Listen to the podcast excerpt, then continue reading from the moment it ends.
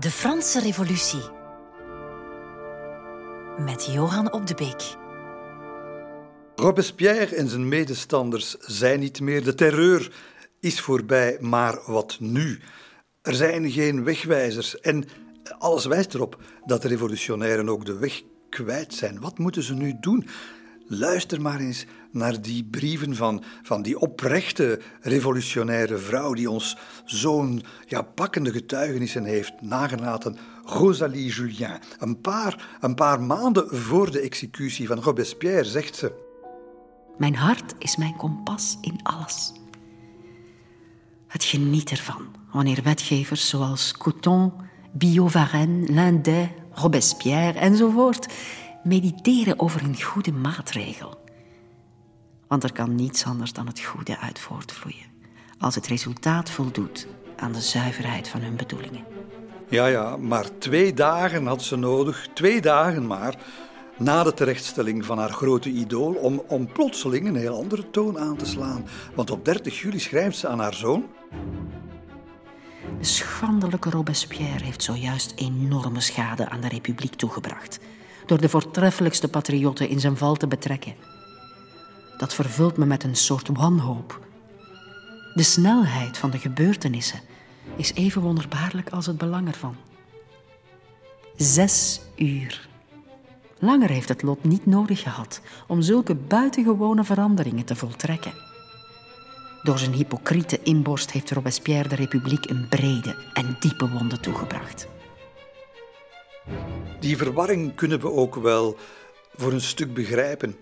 Um, men, men gelooft wat het regime vertelt, maar men ziet ook wat het regime gedaan heeft. Want vergeten we niet, terwijl de guillotine elke dag haar werk deed, deden de wetgevers ook veel werk. Eh, de, de, maatregelen zijn niet op te sommen die de conventie onder het terreurregime heeft genomen om de samenleving vrijer en uh, ja, gelijker te maken. Hè. Uh, de basisschool met betaalde leraren in elke gemeente.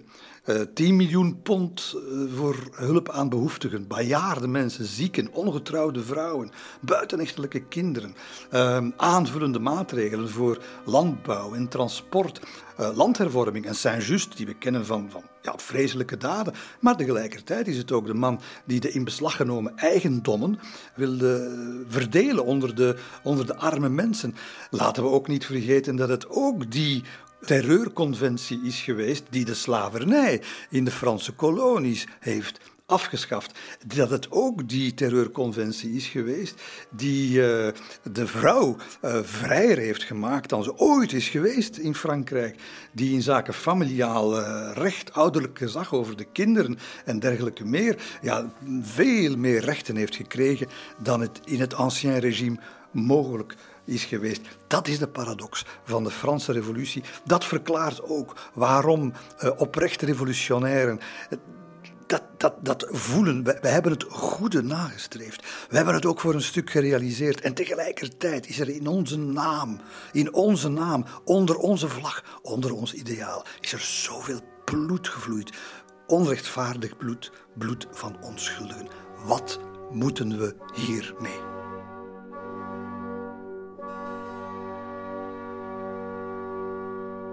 Maar laten we toch ook niet vergeten dat uh, de terreur zoveel mensenlevens heeft gekost. Die fraaie zoon waar Rosalie eh, voortdurend naar schrijft, uh, Marc-Antoine Julien, was een, de trawant van Robespierre, heeft zelf honderden mensen over de kling gejaagd brengt ons bij de cijfers. En we weten het niet zeker, maar er zijn zeker 300.000 mensen op zijn minst achter de tralies beland, uh, onder huisarrest gesteld. Uh, in de analen, hè, bewezen cijfers, 17.000 geguillotineerden. Maar volgens de, de meest recente schattingen en ja, wetenschappelijk gebaseerde schattingen dan toch, zou drie keer meer kunnen zijn. Ja, kijk, uh, en bovendien, het volk in wiens naam het allemaal zou gebeurd zijn, wel, dat volk is bepaald niet gespaard. Want als u soms zou denken dat het vooral de edelen waren, de edelieden, de geestelijken, die eh, de republiek niet wilden erkennen, nou, dat, is, dat, dat is niet zo. In de dodenlijsten, in de officiële dodenlijst, een vierde van die mensen waren de boeren. Een derde waren handarbeiders en ambachtslieden. Dus het gewone volk, le peuple, waarvan Robespierre zei: Ik ben er de emanatie van, je suis le peuple. Wel, die zijn mee onder de guillotine gegaan. Verklaar het allemaal maar eens. En dat brengt ons natuurlijk bij de vragen waar dit nieuwe, de, de zoals men ze noemt, de mannen die de koe hebben gepleegd tegen Robespierre en die nu ja, zich de republiek opnieuw nog maar eens een keer moeten uitvinden. De vragen, die moeten wel eerst beantwoord worden, waar de hele Franse samenleving mee worstelt. Hè? Uh, uh, hoe, hoe, kunnen we de juiste weg terugvinden? Hoe kunnen we ons van de terreur ontdoen, wij, de wetgevers, die, die zelf, zelf zo intensief betrokken waren bij dat bewind? Uh, hoe moeten we de, de lei schoonvegen? Om met inderdaad een schone lei te kunnen beginnen, maar hoe, hoe veeg je ze schoon? Welke waarheid vertel je met andere woorden? De waarheid of wordt het een waarheid? En kunnen we dat bovendien allemaal nog doen met, met die honderden verkozen volksvertegenwoordigers, maar die wel jarenlang dat fameuze comité de salut publiek hebben gesteund? Hè? En, en, en, en, en moeten, we dan, moeten, we dan plotseling, moeten we dan plotseling geheugenverlies voorwenden? Wij hebben het niet geweten. Het is, het, is zowel moreel, politiek, uh, staatkundig, in elk mogelijk opzicht, maar vooral menselijk natuurlijk, zijn het onmogelijke vragen. Dit is, dit is heel moeilijk. En, en je, hebt er, je hebt er ras-echte politici voor nodig om ze dan toch uiteindelijk te kunnen beantwoorden. En wie zijn dat? Wel, het zijn heren als Paul uh, Talien, zelf een, een notoire uitvoerder, hè? Niet, een, niet zomaar een, een backbencher van de terreur. Nee, nee, uh, een Fouché, mannen die zelf doden hebben, uh, op hun geweten hebben. Wel, met name Talien, die zal, die zal uiteindelijk in augustus, hè, een paar weken uiteindelijk nog maar na, na de terechtstellingen, die zal het eens komen uitleggen. En die creëert, die bouwt voor de conventie een nieuwe werkelijkheid. tussen de historische waarheid en de politieke uitleg die men er uiteindelijk aan geeft, wel, we weten dat daar in 99 op de 100 gevallen, dat daar een diepe kloof tussen gaapt. En zeker als het de terreur betreft, zeker als het de Franse revolutie betreft. Want Talien, die op een heel cynische manier, gaat hij eigenlijk zijn honderden collega's in de conventie uh, duidelijk maken dat als we nu al te zeer uh, uh, ja, de, de, de, de spons erover halen, dat, dat we dan toch misschien het risico lopen op op een kwade dag met onszelf geconfronteerd te worden, met ons verleden. Want allemaal hebben ze, bijna allemaal, bijna niet iedereen, maar de grote meerderheid, ze hebben boter op hun hoofd. Dus we kunnen dat verleden, zegt Talien, in bedekte bewoordingen hoor. Hij heeft dat op een hele politieke, sluwe, verhulde manier gezegd. Maar kunnen we dat verleden beter begraven. Hè? Want het is onbegonnen werk hè? Om, om dat uitgelegd te krijgen. Nee, we gaan het verleden begraven. Natuurlijk wil Talien het verleden begraven. En al die anderen die, ja, die betrokken waren bij het vuile werk. Want wat ze gaan doen, wat ze gaan doen, ze gaan een, ze gaan een, een fictie bedenken. En dat is de La Machine Infernale, wordt bijna gezegd. Hè? En, dat is, en, dat, en, en de bediener van die machine, dat, dat was, één man. Dat was één persoon. Dat was natuurlijk Robespierre. Robespierre, en dat wordt de, de mythe van Robespierre. En Talien is de eerste die die mythe creëert. Wel, die mythe van Robespierre die dient natuurlijk om ervoor te zorgen dat er een zondebok is. Het kwaad dat in één ieder schuilt, in al die politici school, dat moet natuurlijk nu geprojecteerd worden op een op één man die er niet meer is, waar men al mee afgerekend heeft. En dat is natuurlijk Robespierre, terwijl er honderden anderen en duizenden anderen uitvoerders op het terrein zijn geweest die die vuile handen hebben. Het is, de terreur is niet alleen het werk van Robespierre. Robespierre was niet de dictator, het was een dictatuur van het collectief dat zichzelf ja, benoemd heeft, dat zichzelf beschermd heeft, dat zichzelf daar gezet heeft au nom du peuple, maar alleen maar onheil heeft aangericht als het ging om de bescherming van de rechten van dat volk. En dus, uh, ja, dat moet je ze toegeven, de Thermidoriëns, ze hebben paal en perk gesteld aan de excessen van de terreur.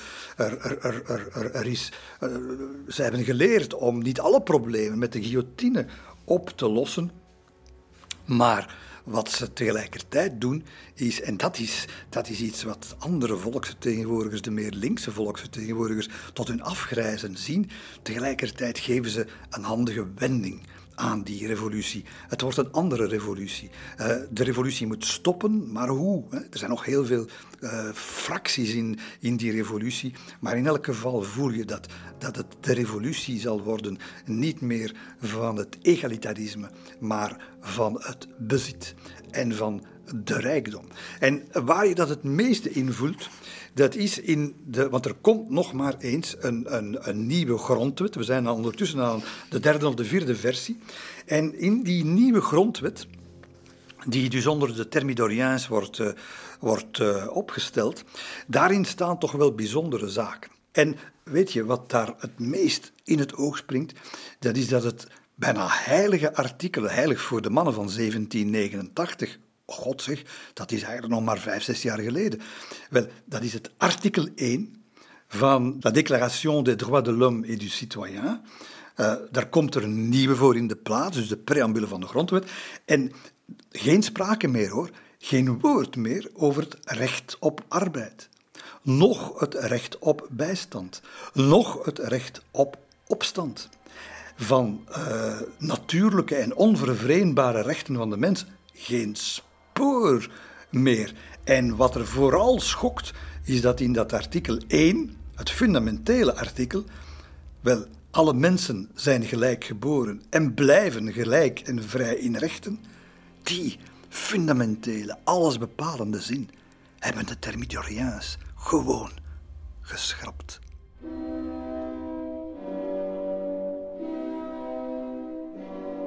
Men geeft uh, de republiek, de revolutie, een andere wending uh, die veel meer de belangen van de bezittenden gaat behartigen. En, en, men zou zich de vraag kunnen stellen, hoe komt het dat, uh, dat die revolutionairen dan in Thermidor, de Thermidoriaans, dat die ogenschijnlijk op hun schreden terugkeren? Wel, ze keren helemaal niet op hun schreden terug, want de hele revolutie lang, sinds, sinds de eerste dag, sinds 1789 tot de laatste, in 1799 zal één lange strijd zijn om wie met de vruchten zal lopen gaan van de revolutie.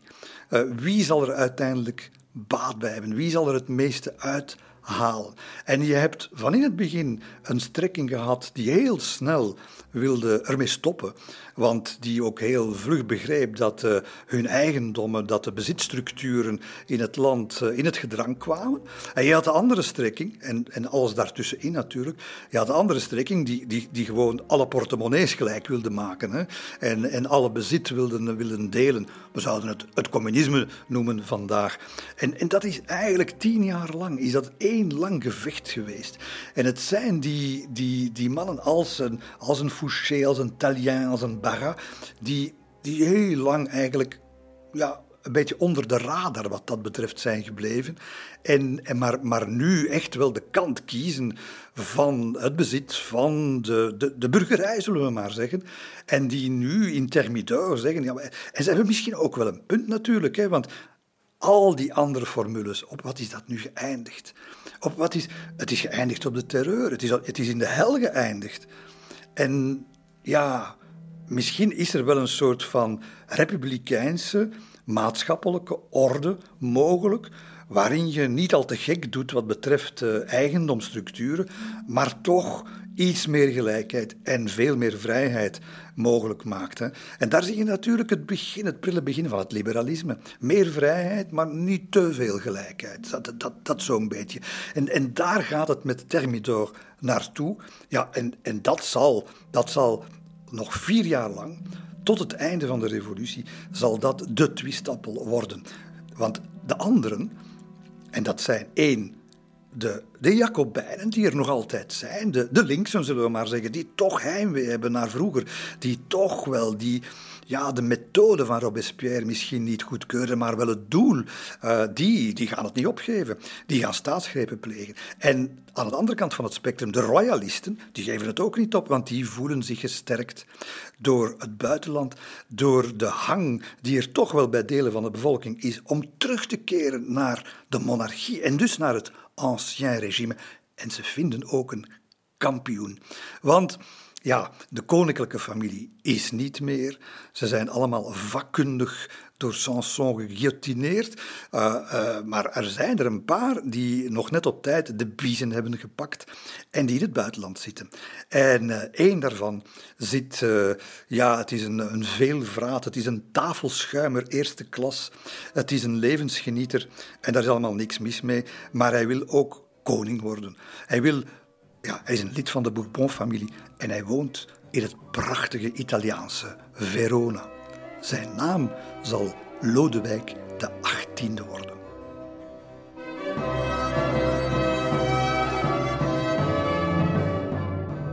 Er is op dat moment trouwens maar één man en, en het klikje rond hem in Verona die uh, ja, Lodewijk de 18e erkent en dat is hij zelf.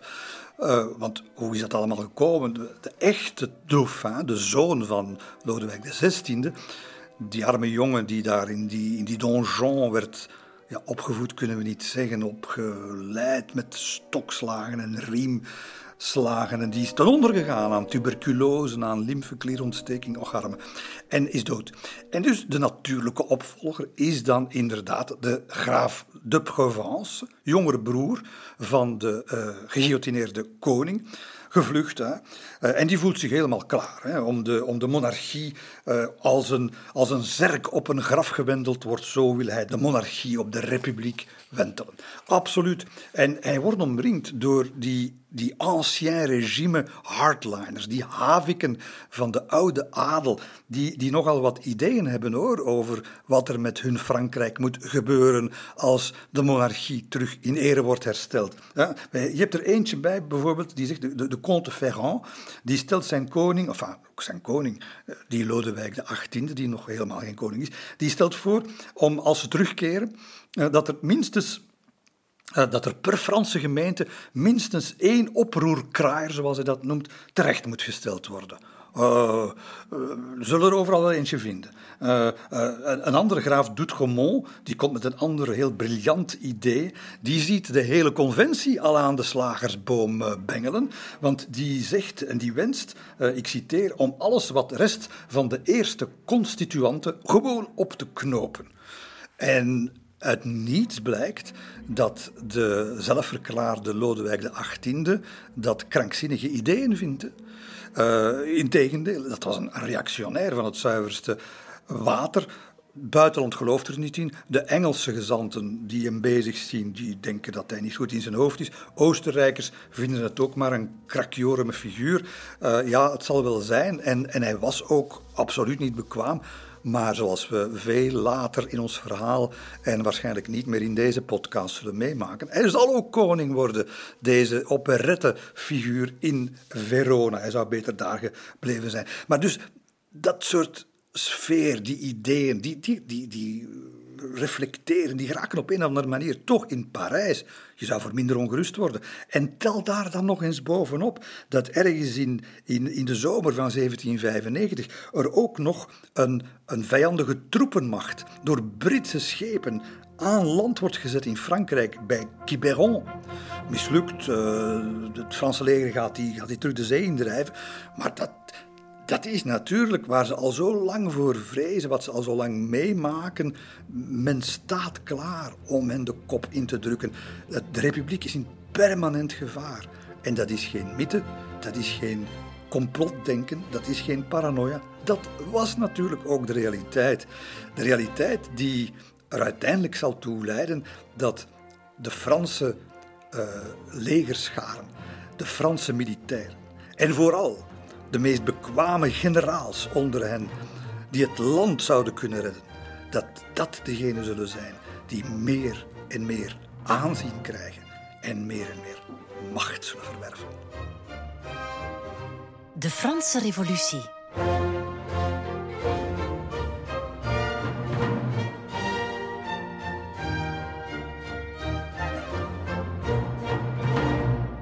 Nu, we zijn hier uh, over de grote politiek aan het uh, praten, maar nog even terug naar die, uh, naar die Thermidor-periode.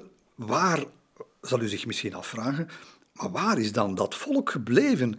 Die sansculotten die tot een jaar geleden nog gewoon de politiek bepaalden op straat. Waar zijn die naartoe? Wel, het is een combinatie van, van dingen. Hè. Uh, en het, het, is trouwens een van de montagnards, dus van, van uiterst links in de, in de volksvertegenwoordiging, Audouin, die dat, eh, die dat ook zegt op een bepaald moment. Ziet hij hoe, hoe de meeste van zijn collega's hun kar keren, zoals we dat in het mooie Vlaams zeggen. En, en de, de echte, de oorspronkelijke idealen van toch de grote delen van, van de conventie uh, de rug toekeren. Hij zegt, ik beef van verontwaardiging. Ik beef van verontwaardiging wanneer ik zie hoe de aristocratie onder het voorwendsel van patriotisme opnieuw de kop opsteekt, de revolutionaire regering aanvalt en de tijd rijp verklaart om die te breken. Ze eisen dat de Société Populaire worden ontbonden en deze of gene republikein wordt onthoofd. Wat moet ik daarvan denken? Nog even en men vraagt de emigrés om terug te keren. Ja, en dat was niet nog even, want heel snel gaat men uh, een heel aantal van die geëmigreerde edelieden laten terugkeren. Het is ook zo, en dat moet bijzonder bedreigend overgekomen zijn bij de, bij de oerrevolutionairen, dat, dat is dat de, de royalisten in het land plotseling eigenlijk zich sterk genoeg achten om in alle openlijkheid en zonder enige schroom tegen de republiek te ageren. Ja, en, en, en, en alles wat er rondhangt. Hè. Uh, zuiveringen natuurlijk, de gevreesde comité revolutionaire overal in het land. Natuurlijk een, vreselijk orgaan dat mensen bespioneerden en zo, een verklikking. Eh, die worden allemaal opgeheven. De commune van Parijs ontbonden. De cultus van het opperwezen, weet u nog, van Robespierre. Uh, wel, niemand, merkwaardig genoeg, niemand vond het nodig om die uh, officieel op te doeken, want het hele geval is gewoon verdwenen. Het interesseerde niemand eigenlijk. Het Comité de Salut Public dat zag veel van zijn bevoegdheden ingeperkt. En, en het, zal, het zal trouwens met het andere comité samen uiteindelijk uh, stoppen. Uh, maar ja, en, en dan de vrijlating van eminente politieke gevangenen die, die al jaren bekend staan omwille van hun uh, vijandigheid tegen de republiek. Het zijn niet alleen onschuldige slachtoffers hè, die de terreur heeft gemaakt, maar ook natuurlijk schuldigen. Wel, die worden, die worden systematisch vrijgelaten. En dan tegelijkertijd een hele reeks uh, ambtenaren, uh, burgerlijke ambtenaren, bij bosjes worden ze ontslagen, geschorst, militairen, hooggeplaatste militairen. Uh, 74 generaals worden de laan uitgestuurd. Ze behouden hun graad, maar ze zijn verdacht. En onder hen trouwens generaal Bonaparte. Wel, dus dat zijn allemaal dingen natuurlijk die, uh, Rode mutsen worden verboden. De kerken gaan terug open. Maar wat niet uh, wordt terug ingevoerd, is het algemeen stemrecht. Nee, dat wordt zijns kiesrecht. Dus je voelt het. Het is een, het, het, van heel die, dat, die beweging richting directe democratie. Wel, dat, het, het, zal er niet van komen. En het moet gedaan zijn met die sansculotten. En dan de vraag: laten die zich zomaar uit het veld ruimen? Wel Zomaar zeker niet. En dat, die overtuiging zal er nog in gezeten hebben. Maar laten we ook niet vergeten dat ze nu toch al zes jaar lang niet meer bezig zijn geweest met hun gezin, met hun vrouw, met hun kinderen, met uh, het verdienen van centjes als uh, schoenmaker, als uh, timmerman, als wat weet ik allemaal, maar met het maken van de revolutie, het beschermen van de revolutie. En ja, bij de meesten. Het is een, het is een oorlog waar ze uitkomen. Hè? Uh, ja, bij de meesten zit er sleet op. Er zit sleet op de actiebereidheid.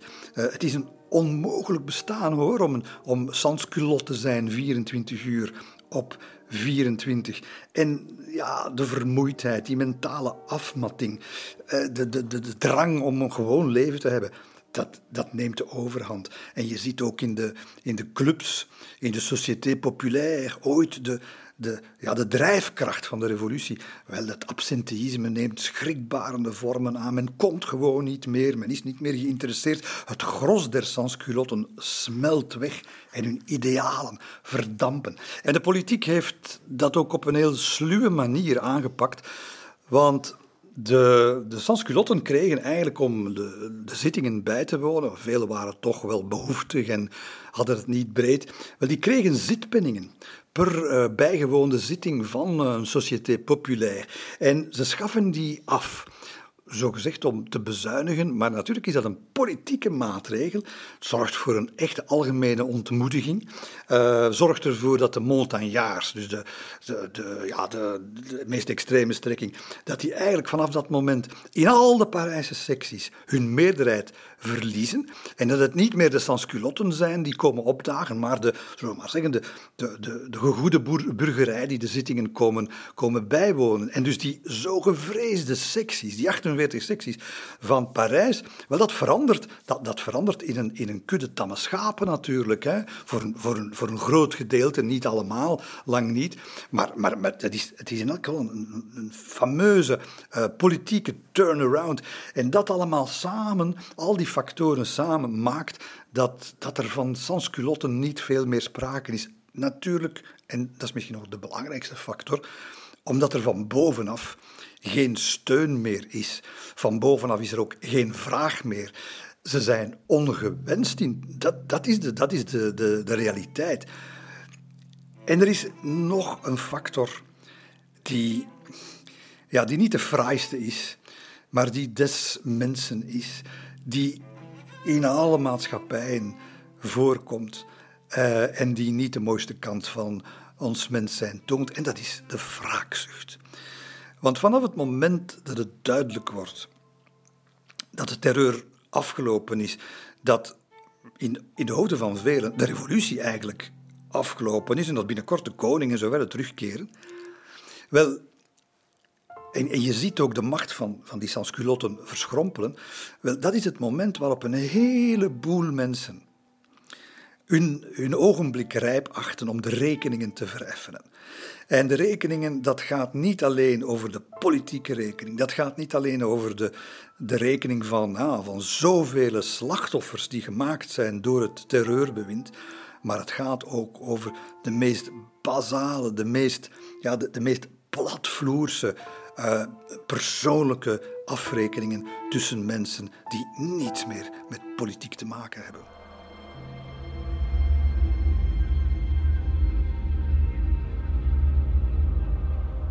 Men noemt die periode die nu aanbreekt uh, na 1795, men noemt dat soms wel eens de witte terreur. Uh, onder verstaan dat de vorige terreur, dat dat de rode terreur was. Maar wat is dat? Wel, ja, je krijgt eigenlijk hetzelfde, maar dan in de omgekeerde richting.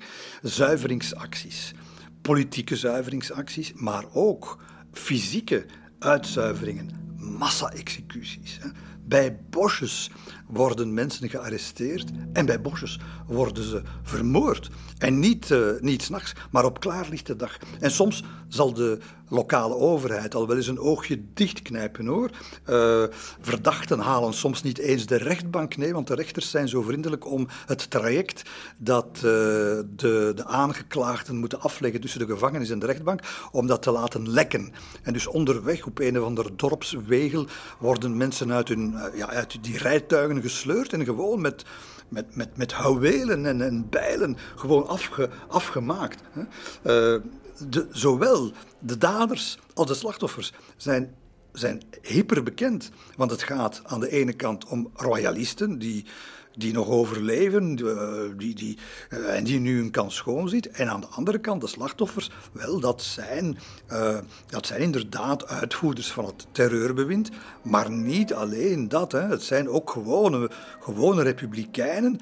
Uh, gewone Fransen die bekend staan om hun, om hun, hun, linkse overtuiging, om hun, hun geloof in de, in de revolutie en die eraan moeten geloven. Hè? Het lot van al die slachtoffers, ja, dat wordt gewoon, dat wordt gewoon gebillijkt door hun, door hun, door hun, uh, hun status als voormalig voorstander van de terreur, maar niet als bewezen misdadiger van de terreur. Ja, dat, dat, ja, en, en dat soort mensen zie je overal in Frankrijk. Hè?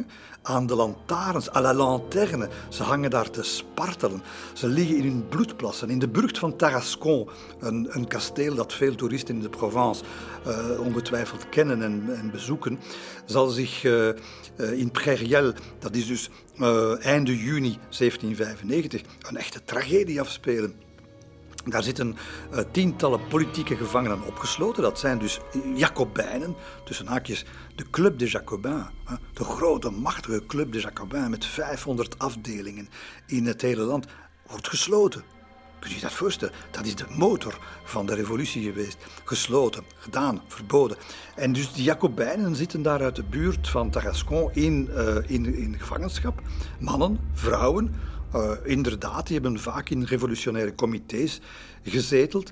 Maar uh, dat gebeurt wel. In de nacht wordt dat fort met veel gemak eigenlijk door een, door een hele meute overvallen. Ze treden daar gewoon binnen. Ze slepen al die arrestanten uit hun cel en die worden daar op de ophaalbrug en op het binnenplein met sabels, met bijlen, als, worden, worden gewoon afgemaakt met, met, met tientallen slagen tegelijk. En dan als dode honden worden die, uh, worden die lijken in de uh, geworpen. Hè. Dat, dat, dat is, het gaat om zeer gerichte afrekeningen met, met, met de leiders van, van de volksmacht die die sansculotten ooit geweest, uh, geweest waren. Hè? Uh, volkse figuren ook vaak, maar ook andere. Het kan ook zijn dat het, en dat is zeker het, het geval geweest in de Provence, maar ook in de streek rond Lyon, uh, waar, waar men grote boerderijen heeft aangevallen.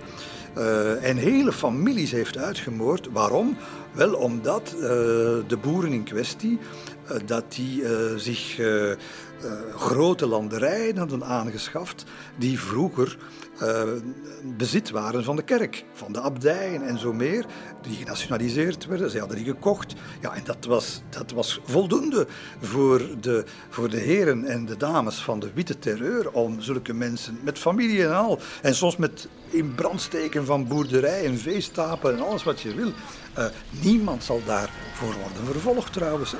Dat wordt allemaal met de mantel der liefde bedekt. Hè. Als het, als het, als de, de doos van Pandora open staat, dan moet je verdorie van, van sterke wil zijn en, van, en, serieus gezag hebben om ze terug toe te krijgen. En het zal nog een paar jaar duren voor we die man gaan vinden. Zijn naam is Napoleon Bonaparte en we gaan het er natuurlijk uh, in onze laatste aflevering uh, uh, volgende keer over hebben. Maar het, het, het, kan ook op een minder opzienbarende manier gebeuren hoor, die, die afrekeningen. Het kan gewoon gebeuren omdat je uh, mensen ontslaat uit hun ambt, hun broodwinning afpakt, met andere woorden, uh, sociale afkeer opwekt tegen die mensen, uh, hun families uit sluit. Dat is zeer te neerdrukkend wanneer je in een bakker wil binnenstappen als, uh, als huisvrouw en men weigert je een brood te verkopen omdat je de vrouw bent van een sansculot.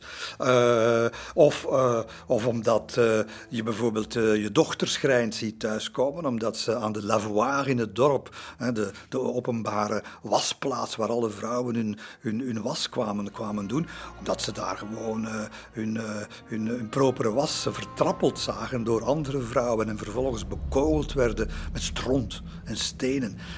Dat soort sociale uitsluiting, dat daar gaan. Dat, parias waren dat. In veel van die, van die kleinere dorpen en gemeenten, in het, zeker in het zuiden, in heel Zuid-Frankrijk, was dat uh, het geval. En ja, wraak, wraakzucht, jaloezie, politieke afrekening. Uh, het is opnieuw opnieuw een onderdrukking. Het is opnieuw een onderdrukking van gedachten, van woorden. En het is opnieuw het laten vloeien van bloed. En wat die generatie gedaan heeft, ja, dat is de fatale, onontkoombare uitkomst van uh, elke maatschappelijke beweging die zich niet weet te houden aan de regels van vrijheid en verdraagzaamheid.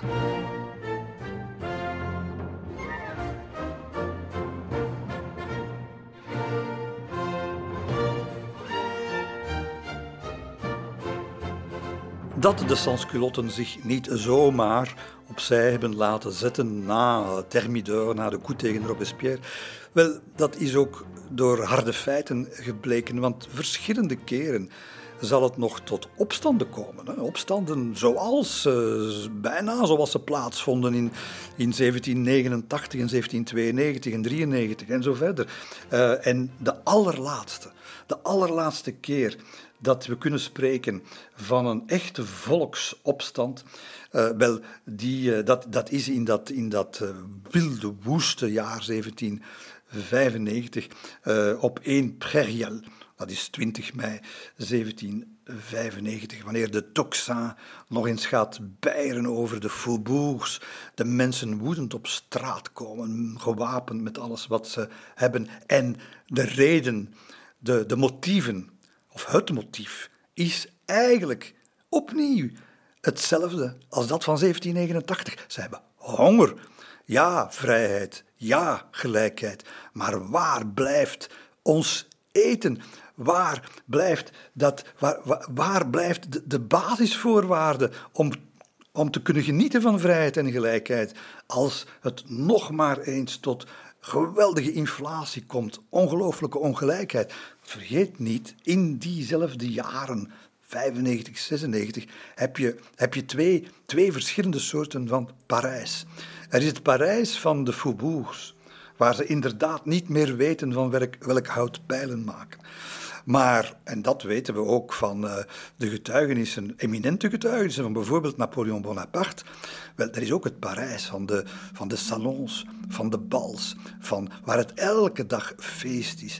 Waar uh, de muscadins, dat zijn jonge lui die zich op een uh, geweldige, uitzinnige, vreugdevolle manier kleden en gedragen. Samen met Les Merveilleuses, dat zijn de jonge dames die zich werkelijk op een bijna schokkende manier door het leven bewegen. Uh, met, met alles op en eraan en alles laten zien wat ze kunnen laten zien. Wel, die twee werelden en steeds verder uit elkaar, ideologisch qua, qua, qua leefwereld, qua politieke ideeën. Zo, ja, zo voel je natuurlijk die terugkeer van die extreem ongelijke maatschappij van voor 1789. Wel, het is in dat klimaat dat dus uh, in mei tien, uh, de met name de Faubourg Saint-Antoine en Saint-Marcel, waar dus echt ja, de, de, werklieden wonen, hè, de kleine ambachtslui wonen. Het, het, het is opstand. En voor de zoveelste keer zal de Parijse ordehandhaving er niet in slagen om de volksvertegenwoordiging te beschermen. Want ze, ze gaan weer met, met honderden, met duizenden tegelijk, gaan die manifestanten nog maar de Tuileries, dus de, de grote conferentiezaal van de volksvertegenwoordiging, bezetten. Uh, en dat gaat op een. Er, zijn, er zijn prachtige tekeningen van. Ik heb ze in, in het boek ook uh, laten publiceren. Kolkende tribunes. Uh, betogers die gewoon de, de volksvertegenwoordigers van hun, van hun banken duwen, hun plaats innemen. jij bent ons niet. en dan heb je, heb je nog een paar ja, moedige zielen, zullen we maar zeggen. er is daar volksvertegenwoordiging Ferro. Uh, en dat is, een, dat is geen, uh, dat is een, dat is een authentieke revolutionair met veel credibiliteit. Uh, man van de Club des Jacobins natuurlijk. Hij heeft dicht bij Robespierre gestaan. En had dus, dacht hij, genoeg gezag bij die mensen om, om verder onheil te beletten. Hij is verantwoordelijk voor de bevoorrading de, de graanbevoorrading van de stad Parijs. En vermits het daar nu net het, daar het schoentje uh, knelt, had hij beter niet gedaan wat hij gaat doen. Hij gaat uh, in afwachting van versterkingen van de Nationale Garde, gaat hij de massa toespreken en tot kalmte trachten te bewegen. En dat leidt natuurlijk tot zijn ondergang. Er is een van zijn uh, medecitoyens die hem gewoon een kogel door het hart schiet. En dan hakken ze zijn hoofd af, allemaal, allemaal in de zaal van de volksvertegenwoordiging. Ze hakken dat hoofd af. Uh, je kunt al denken wat een hypnose van angst daar in die zaal moet, moet uh, geheerst hebben. En het bloedende hoofd van, van die Ferro wordt naar goede traditie op een, op een lans gestoken en zo tot bij het voorzitterspodium gedragen, waar de voorzitter, Boissy d'Anglas was dat, uh, die, die, niet anders kan dan, uh, ja, dan, het, dan het dode, de dode kop van Ferraud te groeten. Vreselijk schouwspel. En dat ondertussen duizenden mensen die kelen van Dupin, Dupin, we willen brood, willen... ze hebben honger. Ja, en, maar het, grote geluk dat ze, dat ze hadden, uh, de politiek, op dat moment is, er zijn geen leiders meer. Als die dag, als die dag, er nog een Varlet zou geweest zijn, of een Saint-Just, waar Robespierre spreken we niet, die kon niet leiden, maar Saint-Just, dan was het, dan had ik het wel eens willen gezien hebben, dan was de revolutie echt wel terug een andere richting uitgegaan. Maar ze, ja, ze rekken de tijd. Uh, men, men, men kan eigen troepen de zaal binnenkrijgen. En, en uiteindelijk gaan die mensen uh, terug naar huis. Maar wel met kanonnen, met musketten. En, en dan krijg je dus werkelijk een. Het is bijna een, een strijd zoals de, de communaars in 1870 gevoerd hebben. Uh, het, is een, het, is een, het zijn verschillende grote volkswijken die, die zich volledig barricaderen, in opstand zijn. Uh, ze zijn met, uh, met tienduizenden, hè. maar ze gaan geconfronteerd worden met de Nationale Garde, die intussen echt dat binnenlandse repressieapparaat is geworden, waar in der tijd, uh, zoveel jaren geleden, Lafayette het voor wilde aanzien. En wel, ze gaan, ze, gaan, ze gaan natuurlijk met elkaar in de clinch. En het is een ooggetuige, Baron de Frenilly, die, die, die dat heel goed beschrijft. Alles wat in Parijs een vrouw, kinderen, een winkel, een bezit, een leven te verdedigen had, kwam toegelopen. Het was Paris contre le faubourg, de stad tegen de voorstad. Ja, dat is het. Het is de stad tegen de voorstad. En de voorstad zal verliezen. De, de sansculotten zullen aan het aan het kortste eind trekken. Hun diensten zijn niet langer nodig voor het regime. Hun beweging is eigenlijk politiek ongewenst. Hun idealen maatschappelijk gevaarlijk. En al die, ja, die schoenmakers, die hoedemakers, die zeelui, die meubelmakers, die aquarellisten, die leraars en zo verder. In plaats van sansculot gaan ze nu gewoon ja, terug hun uh, oude leven opnemen. Hebben ze dan nooit beseft, vraag je je af hebben ze dan nooit beseft dat hun daden, ja, dat die eh, soms onvergeeflijk zouden zijn, maar zeker niet voor eeuwig? Dat de toekomst die ze dachten te maken, dat die misschien wel eens heel anders zou kunnen eruit zien dan, uh, dan wat zij in gedachten hadden. In elk geval de gewapende arm van, eh, de, ja, van de, de, de linkse kant van de revolutie is afgehakt. En het zal een andere gewapende arm zijn natuurlijk van de andere kant van de royalistische kant, die in datzelfde jaar, op het einde van het jaar, een andere coup zal plegen. Een coup die iemand op het voorplan gaat brengen waar we al ja, vele afleveringen lang zitten op te wachten. Het is in eh, de herfst van, van 1795 dat in de milieus van de, de financiers, van de, de renteniers ook, de bankiers, eh, ja, eh, de mensen die veel geld hebben en veel geld kunnen verdienen, de, de grote zakenlui, de mensen die de legers bevoorraden en dergelijke meer, dat de plannen ontstaan om uh, korte metten te maken met die revolutie. Uh, terreur is weg, maar waarom niet de hele revolutie gewoon terugdraaien? Dat is wat men denkt. En ze, gaan, ze, kunnen, dat, ze kunnen niet zonder voetvolk. Dat zeker niet. Dus ze hebben de, de secties nodig. Maar we weten, die secties die zijn niet meer, die worden niet meer gerund door sansculotten. Die worden gerund door bravere mensen. En, en, en vermits er nog altijd uh, honger is, tekort is, aan van alles en nog wat onzekerheid is, slagen, slaagt die toplaag erin om uh, die middenklasse te mobiliseren te mobiliseren zonder dat ze het eigenlijk goed beseffen hoor. Uh, want wanneer ze in de herfst van 1795 op straat zullen komen, dan is het eigenlijk niet tegen de republiek. Uh, ze beseffen ook niet dat ze de republiek in gevaar brengen, maar het zijn uh, de mannen die achter de schermen aan de touwtjes trekken, die wel degelijk het voornemen hebben. Het moet gedaan zijn.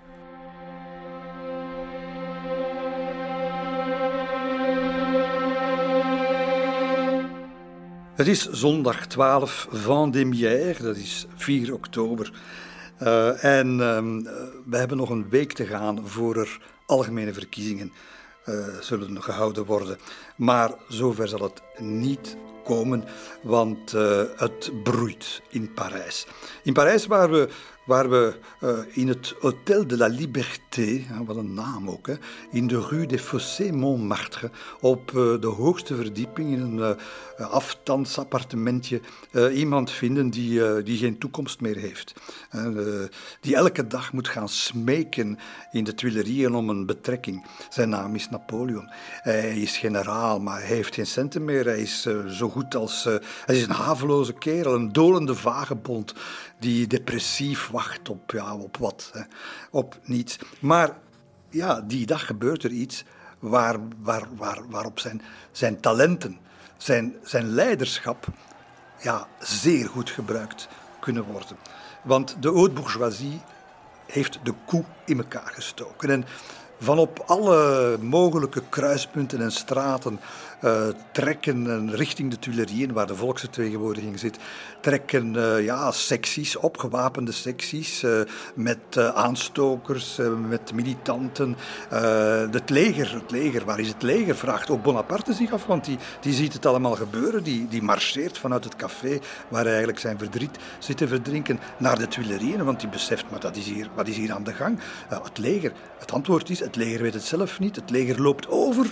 En dan is het moment daar waarop Paul Baga, de sterke man uh, van het regime, uh, die, die, die, die voelt er moet iets gebeuren. En met de laatste resterende troepen die hij nog heeft, ja, moet hij, wil hij, want zijn kop zal er zal rollen, hè, wil hij iets doen tegen die staatsgreep, tegen het einde van de republiek dat nu in zicht is.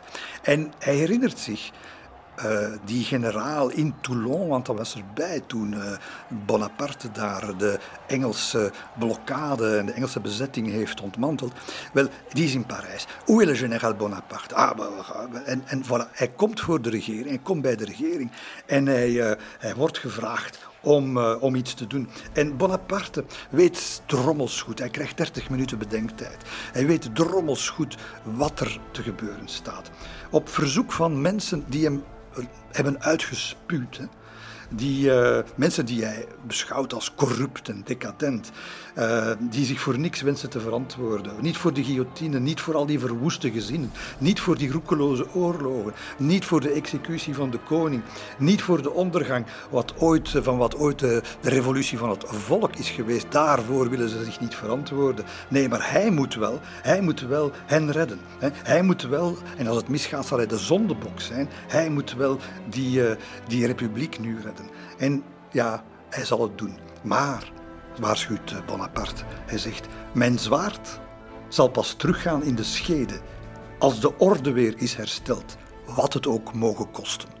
Hij vraagt carte blanche en hij krijgt het. Ze kunnen niet anders.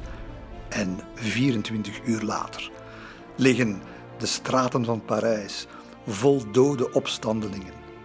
Maar de koe tegen de republiek is verijdeld. En de naam Bonaparte ligt op ieders lippen. Van een uitzichtloze situatie, van een marginaal bestaan, schiet generaal Bonaparte als een komeet naar het firmament.